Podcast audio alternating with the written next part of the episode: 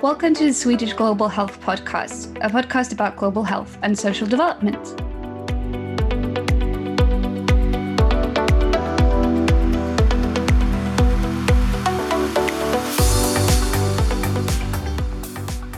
This podcast is brought to you by the Swedish Society of Medicine Student and Junior Doctor Section and the Swedish Society of Medicine's Committee on Global Health. Today's podcast will address the topic of Agenda 2030, an ambitious agenda uh, addressing sustainable development. However, what do these goals implicate? How do we reach them, especially during a pandemic? And are they even reachable? The Agenda 2030 will be addressed in two separate episodes. Uh, we've already uh, recorded episode number one. Uh, so if you haven't listened to that one, we recommend you to start uh, start with that one. And this is our second episode, uh, where we will continue discussing how global health and sustainable development are connected. My name is Hannah Jandal, and I'm very honored to be one of your podcast coordinators today. Uh, I'm a certified disaster medicine trainer, and among other things, I'm teaching students in global health. I'm working as an intern physician at the Umeå University Hospital, and with me, we have also two other podcast coordinators today. So, Sarah, would you like to introduce yourself? Yes. Hi again, all.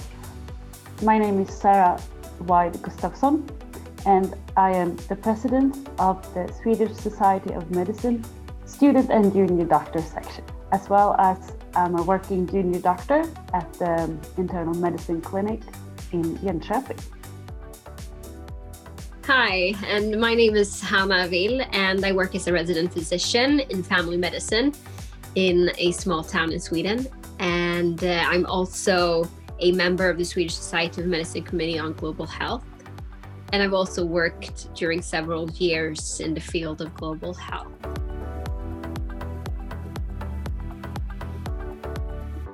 And now it's time to introduce our distinguished guest, Raman Preet, International Research Coordinator and Equal Opportunity Officer at the Department of Epidemiology and Global Health of Umeå University. And we also have Gabriel Wikström, National Coordinator on Sustainable Development Goals in Sweden since the beginning of 2020 as well as being Swedish, uh, a Swedish politician of the Social Democrats. Uh, and he has also served as Minister for Public Health, Healthcare and Sports in the Swedish government from 2014 to 2017. So, a warm welcome to all of you. And uh, let's start the discussions. Yes. So, during uh, the previous uh, podcast, as well as in this uh, podcast, we mentioned leaving no one behind but what does that really entail and how is the work organized to implement this goal raman would you like to fleek in uh, sure. Thank you hannah. Um, you know to me it's a very special question because uh, the students generally do bring this question in when you talk about agenda 2030 and you know this as an encompassing vision for this thing. And because I am not working, you know, I'm an academician mostly, working from, you know, public institution and with students, and basically that's my main responsibility. I sometimes see, you know, I wouldn't say that's something which explicitly makes me think that uh, how do I express? So I'll give you all an analogy that I use with them. It's simple, you know, how do you ensure that you don't leave anyone and we feel? It's like cooking a meal in the night who has the responsibility? Is it just one member of the family, or is it that we all contribute to make a dinner happy, special, and meaningful? So to me, that's how I you know try to express what does it mean in the sense of like how would you accept it that you want to work? It's the feeling of inclusiveness, it's the integration, and so that you work for a common purpose. So, Hannah, that's my leaving no one behind because an academician to students, I feel sometimes you have to personalize some of the things if you want them to relate to it. Thank you. Thank you. Thank you. Yeah. So making sure to feel the inclusiveness and making sure that everyone contributes as well. But Gabriel, how do you ensure that nobody in the society is left behind? well, this is really a question about equity and equality, isn't it? And um, from a Swedish perspective, this has really been, I think, when when people in many other countries think about Sweden, they think that Sweden represents an society um, which in its core is all about equity and equality. And in the same sense, we know that since the beginning of the 1980s, we have actually had wi widening gaps within the Swedish society. Uh, Sweden is one of the countries within the OECD family uh, where the um, where, where poorness is actually uh, increasing the most, and uh, it has really become a, a, huge problem for the Swedish society. And um, so, leaving no one behind, I would say 10, 15 years ago, that would have been all about uh, uh, the rich world not forgetting the poor world. But today in Sweden, it's also about um, closing the gaps within the Swedish society. And um, I believe that that uh, one of the most um, profound challenges that, that we're facing as a society when it comes to creating equity um, in Sweden and globally is uh, the question of racism. Um, because um,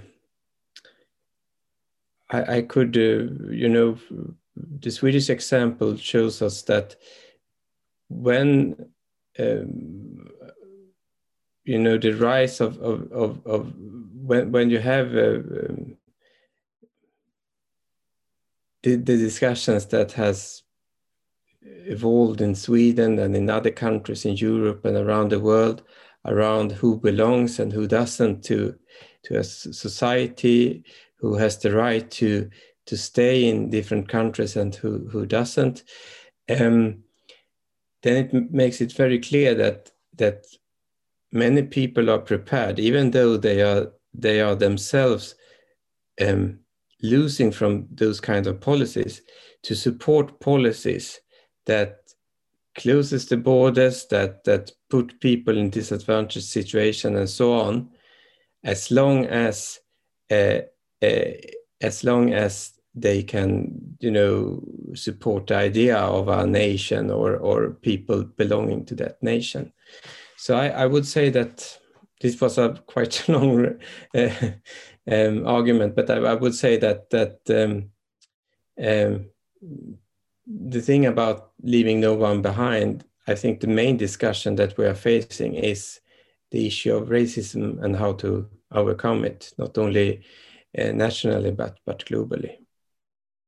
I want to thank you, Gabriel, because I think you add on to what I wouldn't bring in, in the sense not consciously, but you know, if I'm talking from the positive side of inclusiveness, you bring the other side, the problem that we have. So I think it was very nice, beautifully carved of some of the things that we are facing currently. And of course, leaving no one behind brings the equity and equality in a very strong manner in front of us, what we've seen in this time as well. Well, thank you. I, I used to be the IO of, uh, of different discussions, so I continue with that. Yes, and, and uh, there have been quite a lot of things highlighted and paradoxical factors as well, seeing that Sweden has the image, as you mentioned, of being a society that in its core is equal and highlights the importance of equity and equality whilst we also in the same time see the polarization seeing the widening of the gaps seeing the increase in poverty seeing differences in health levels within the nation but also within the same cities within a, a country as well um, and how do we close that gap well you've already identified several factors that play a part, including the topic of racism and the division, dividing us and them. Um, and the reasoning for that we could discuss forever. And I know that we have more questions later on, but I think that a lot of important points have been mentioned in identifying why some people are left behind. And we've also seen that in this current COVID pandemic as well, in some populations that have uh, had higher levels of COVID and have died from it early on in this pandemic. But I, I won't talk too much on it because we're going to address it a bit more later on. So um, I would like to move on to my colleague to ask the next question. Thank you, Hannah. And yeah, these topics are so important. And also, two uh, major topics that we're working with in the organization currently this year, both uh, inequity and inequality in health, um, also in relation to, to um, uh, vaccines, uh, uh, but also discrimination uh, within healthcare and in general in society and racism. So, thank you for bringing up these important topics. But for the next question, we would like to discuss what actors are involved in the process of implementing the Sustainable Development Goals and what arenas do they work in. Um, Gabriel, would you like to start answering that? Yes, as uh, the UN and, and many others has identified, I, uh, I also believe that uh, the local level, the municipalities, are the most important actors when it comes to implementing the agenda. And I say this because um, this is especially true in true in, in, in Sweden, but I think it's it uh, goes for many other countries as well. But I say this because it as it is at the local level where where you have most of the welfare services, where you have the sense of community uh, among people and and uh, um, where you have many political decisions that affect daily life of people the most and if you don't get a change in, in behaviors in, in organization in, in work and so, and so on at the local level it won't happen at the global level either um, so the, the local municipalities are, of course, the, the most important stakeholders. And, and um, adding to that, but in the same time, I believe that the nation state states are, Eh, eh, of course, important in many ways as well. And this doesn't sound as something radical to say, but I believe that looking back 20 years and looking how people have seen the nation states and, and, and their ability to solve problems, etc. Many people have thought that, well, the nation state is really a, a 20th century or 19th century invention that, that won't do us any, any good anymore, that we need to turn to regional collaborations like the EU or to, to global collaborations like the UN or etc. and, and, and others. But I think that the last couple of years, this has been reevaluated, and, and people see that the nation state has really a role to play. And I think this is especially true when it comes to the implementation of the 2030 agenda. Um, because the, the regional and the, and the global institutions are still too weak to, to do, you know, do the work. Uh, the nation states are actually the ones that need to do it and in that to to be able to do that they need to step forward and they i actually believe that they need to take a greater part in society and at the global stage as well mm-hmm. yeah it was a long answer. I'm, I'm terribly sorry. no, it's fine. I mean, you're both mentioning what actors are involved and perhaps what actors should be involved uh, and in what arenas, and highlighting the the actors that might be most important. Uh, Raman, would you like to add on to this? Also, working with many different actors, coordinating projects uh, in sustainable development. I think I just agree with what Gabriel has said that local structures are, but I think for global coordination, what we are talking about here, we have to give some ownership to the regions.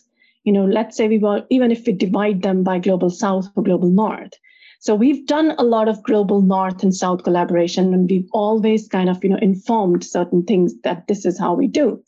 But the time that currently requires South South collaboration, we've started to say, and how do we actually steer those South South collaborations is the newer way of doing this agenda. I mean, my experience, we will talk, we can talk further, but somehow it does explicitly come till you don't give ownership, as Gabriel said, to the local, be it local government, be it local community, be it local know, region, the success is not as we expect. So we are returning back to the role of you know, civil society and community engagement in all our practices, I would say. Great. And we've already discussed a bit about who should be implementing the Sustainable Development Goals. So we'll move on to the next question, Sarah. And you also, both of you already mentioned a little bit about cooperation and not just the individual actors that are important, it's also the cooperation between the actors.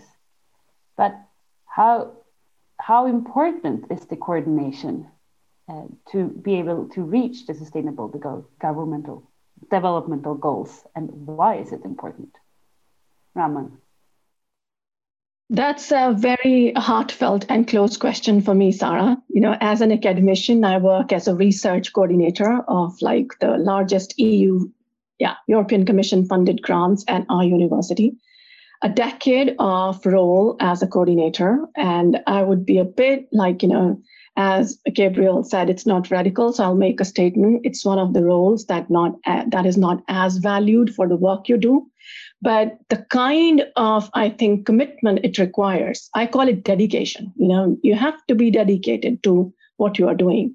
So for me, you know, in the past 10 years, I've created my own little model. And I think I will share quickly with all of you why I think uh, the projects that I have handled of quite a few millions in around 35 different countries, maybe 50 different types of you know organizations and whatnot, multilingual, transdisciplinary. I have something I call my five C's, which have proven great. Okay. And so for me, those five C's I will share in the great concept is, you know, it's genuine coordination. So of course, how we do is something I can share in another space. There is respect for the culture because there is something different in every space. And then there is ethical collaboration. We have to remember who are the people we are working with. And then it's like adapting your communication, which is very essential and I think central for any coordination. And finally, trust for the context. You know, so that's how I look at my great C's, which have allowed me. And I think I am a voice of this coordination in my younger, you know, public health professionals who are studying, you know, giving them that this is one arena we will require in our academia if we want to work on international projects, international cooperation. I mean, all of us who are sitting here, the role of coordination. And I would highlight again the pandemic has shown us what leadership and coordination means. If there is leadership, we've seen the difference. But when there was no leadership and coordination in cohesion, we've seen the differences. So I am. This is my most passionate topic, which I can talk forever. But the floor is for you, Gabriel, on the other side. Well, it sounds to be a great model, I must say, and and uh, um, not at least because coordination and collaboration seems to be one of the most difficult tasks that you could perform. Actually, I once read a um, anthology where two scientists from the UK, I believe, I can't remember the names. They had done a lot of research on collaboration, and and they concluded that collaboration is so hard to achieve that that uh, most times it's better to not trying to do it as, as at all. um, and and that was of course a bit pessimistic, but what they really tried to you know point out was that many times collaboration and cooperation has are you know these fashion words that that politicians and, and others are using all the time when they are um, describing how to handle complex challenges. Um, but the thing is that that most of the times we don't give the right um, you know support for the ones who are responsible for coordinating or, or, or collaborating. And um, therefore, many times it fails. And, and, and I, I come back to what I said in the in the last episode about capacity. I think that capacity is really a key word when we uh, speak about implementation of the 2030 agenda and when especially when we speak about the importance of coordination and, and cooperation. Uh, we need always to ask ourselves do we have the capacity to collaborate? And and if we don't what do we need to do then to to to create or increase the capacity to to collaborate but I, am very much interested in in uh, speaking further about your model.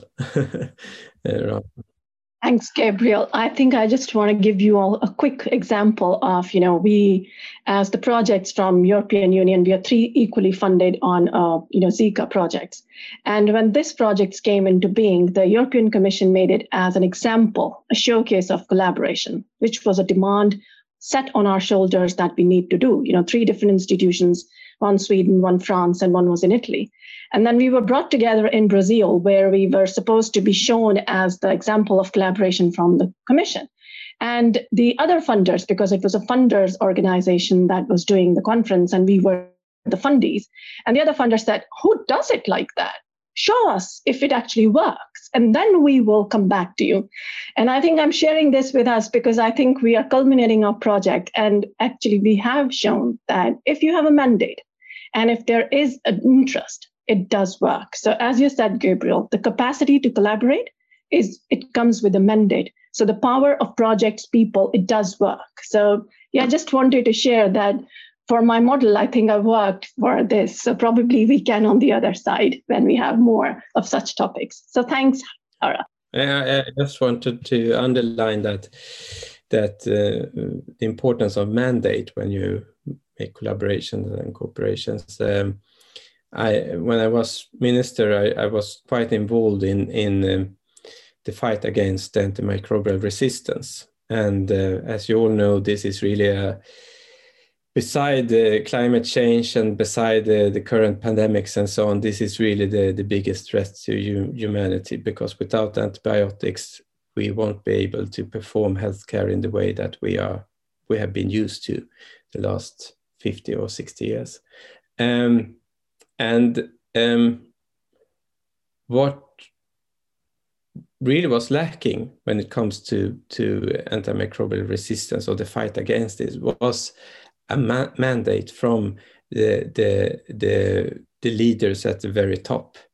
And um, as a minister, I was quite involved in, in together with colleagues around the world to, you know, trying to put this higher up on the, the, the UN agenda to, at the high level meeting in the UN General Assembly, got a, get a mandate from world leaders, presidents, prime ministers, etc.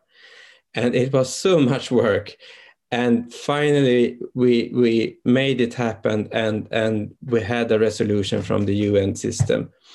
And I was interviewed later on from a Swedish journalist, and they asked me, "What what have you achieved?" and I said, "Well, we have achieved another meeting."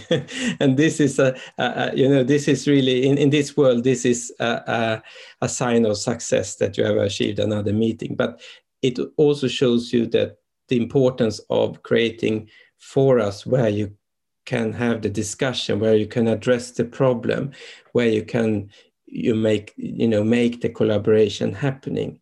And and most people outside of the political system will think that that all these mechanisms already exist and and uh, you would be surprised to know that many of them doesn't exist they don't exist. And and and that is really the main problem to start with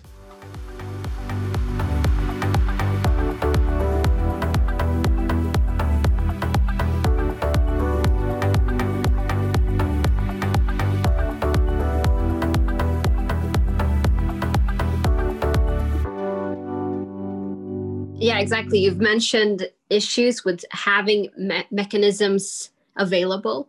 And uh, you've both mentioned examples in regards to the importance of mandate in achieving collaboration. And uh, th- there are also other difficulties that we might, might want to consider. Hannah do, do you have any thoughts in regards to that? Uh, yes, definitely. And I mean, you have mentioned some of them already. And I'm happy that you also brought up uh, prioritizing uh, just to the discussion, uh, which we sadly have to do in this area, uh, but still important. And then you need a mandate to do that. Um, but I would like to, to connect to the previous topics on also the the difficulties uh, that we find uh, when trying to organize these uh, uh collaborations. Uh, you mentioned some very positive experiences and good examples, but we also have the other side of the coin. And um, uh, what are the difficulties that we need to consider in today's society? Where we also see a polarization between groups and in regards to political opinions uh, and then also potentially resulting in less collaborations, as we saw with the WHO, for example. Rama, would you like to say something about that? Um, sure, uh, Hannah. I think this is, you know, like what the current situation is. And I mean, if you actually mention WHO, for me, I would say very much in the history of public health, we Probably, uh, I mean, this organization has been criticized. It's not the first time. It has been called corrupt from top to bottom. Like that's how you think of public health. And and in the pandemic, I think thousand things have happened that make you question of you know the actual space where it is existing. But you know, I mean, I already mentioned it. Do we stop doing things because we see uh, you know pessimism around us, or we try to see the optimism around us? So they are doing great work. That's what we want to do. But the question that i think i pose to us is till when are we going to keep collecting you know more data more numbers more counts in terms of you know inequities inequalities in different parts of the world? Till when will we talk about the problems? I think the time has come somehow as you ask this question. We need to try to talk about some solutions as well and I think that's the main disadvantage here this polarization. We are counting on one side, we have done thousand things. But actually, as as maybe a bit optimist person, I've started to say, when will we talk about solutions? How are we going to do it? Is something, when will we discuss that? And I mean, in this group also, when we are talking about you know implementation, it's doable. And I think we need to set the examples, showcase those more, especially in the current times. So, I mean, we can, I'm sure if we want to problematize the situation, which is already so, you know, big, or we try to bring in some positive voices and showcase what works. That's my take on it, Hannah. Thank you. Gabriel, would you like to, to connect to that?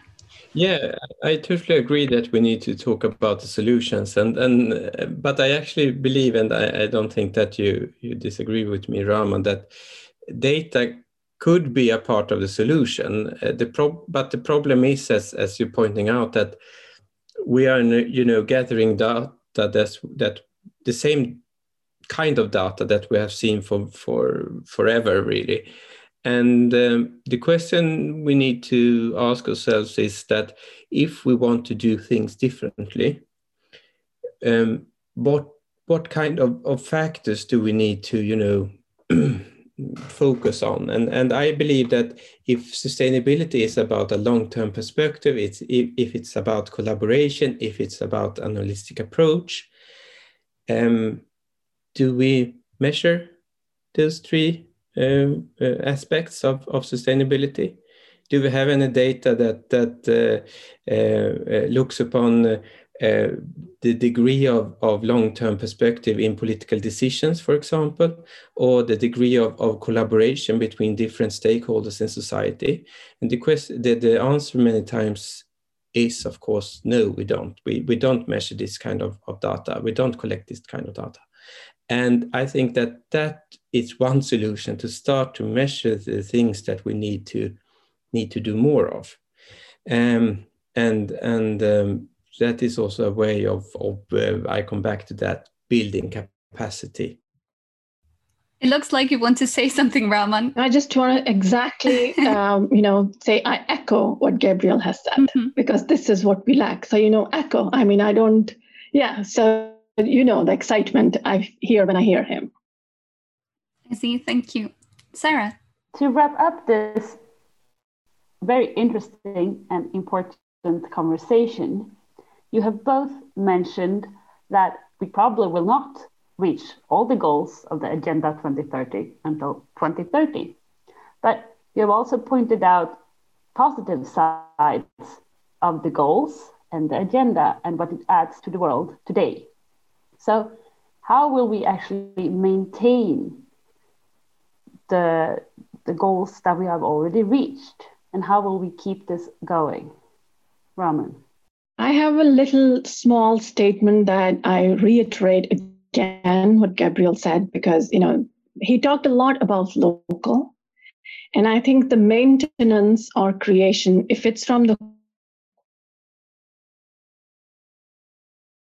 formed by, you know, these, and if we are, are able to maintain or sustain to contribute and influence the global. So I think for me, this is as straightforward as you know thinking of our core. If core exists, I think everything else coexists. Yes, I, I agree with you, and and um, I believe that um, one way to to maintain the the core or to to make this happening, to create resilience really, is to make is to create public awareness and public commitment.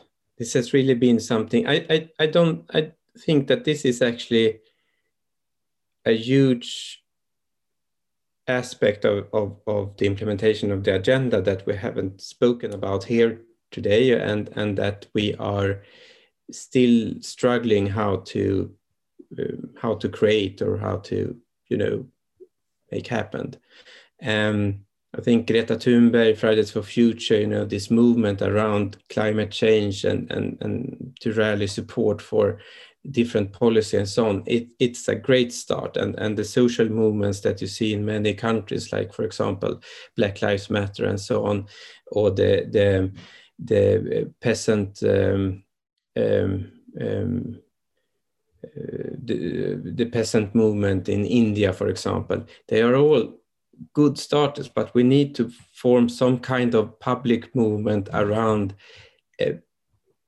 the building the society as a whole, not only different aspects of it, but at, at the very core. And, and that would be to create real uh, resilience when it comes to implementing the agenda, because then you would be uh, really vaccinated against uh political um, um, movements and and and and and, uh, and um, you know different political parties and and and and, and trends and so on uh, if it would be you know based in, in at the very foundation of of of, of society uh, the people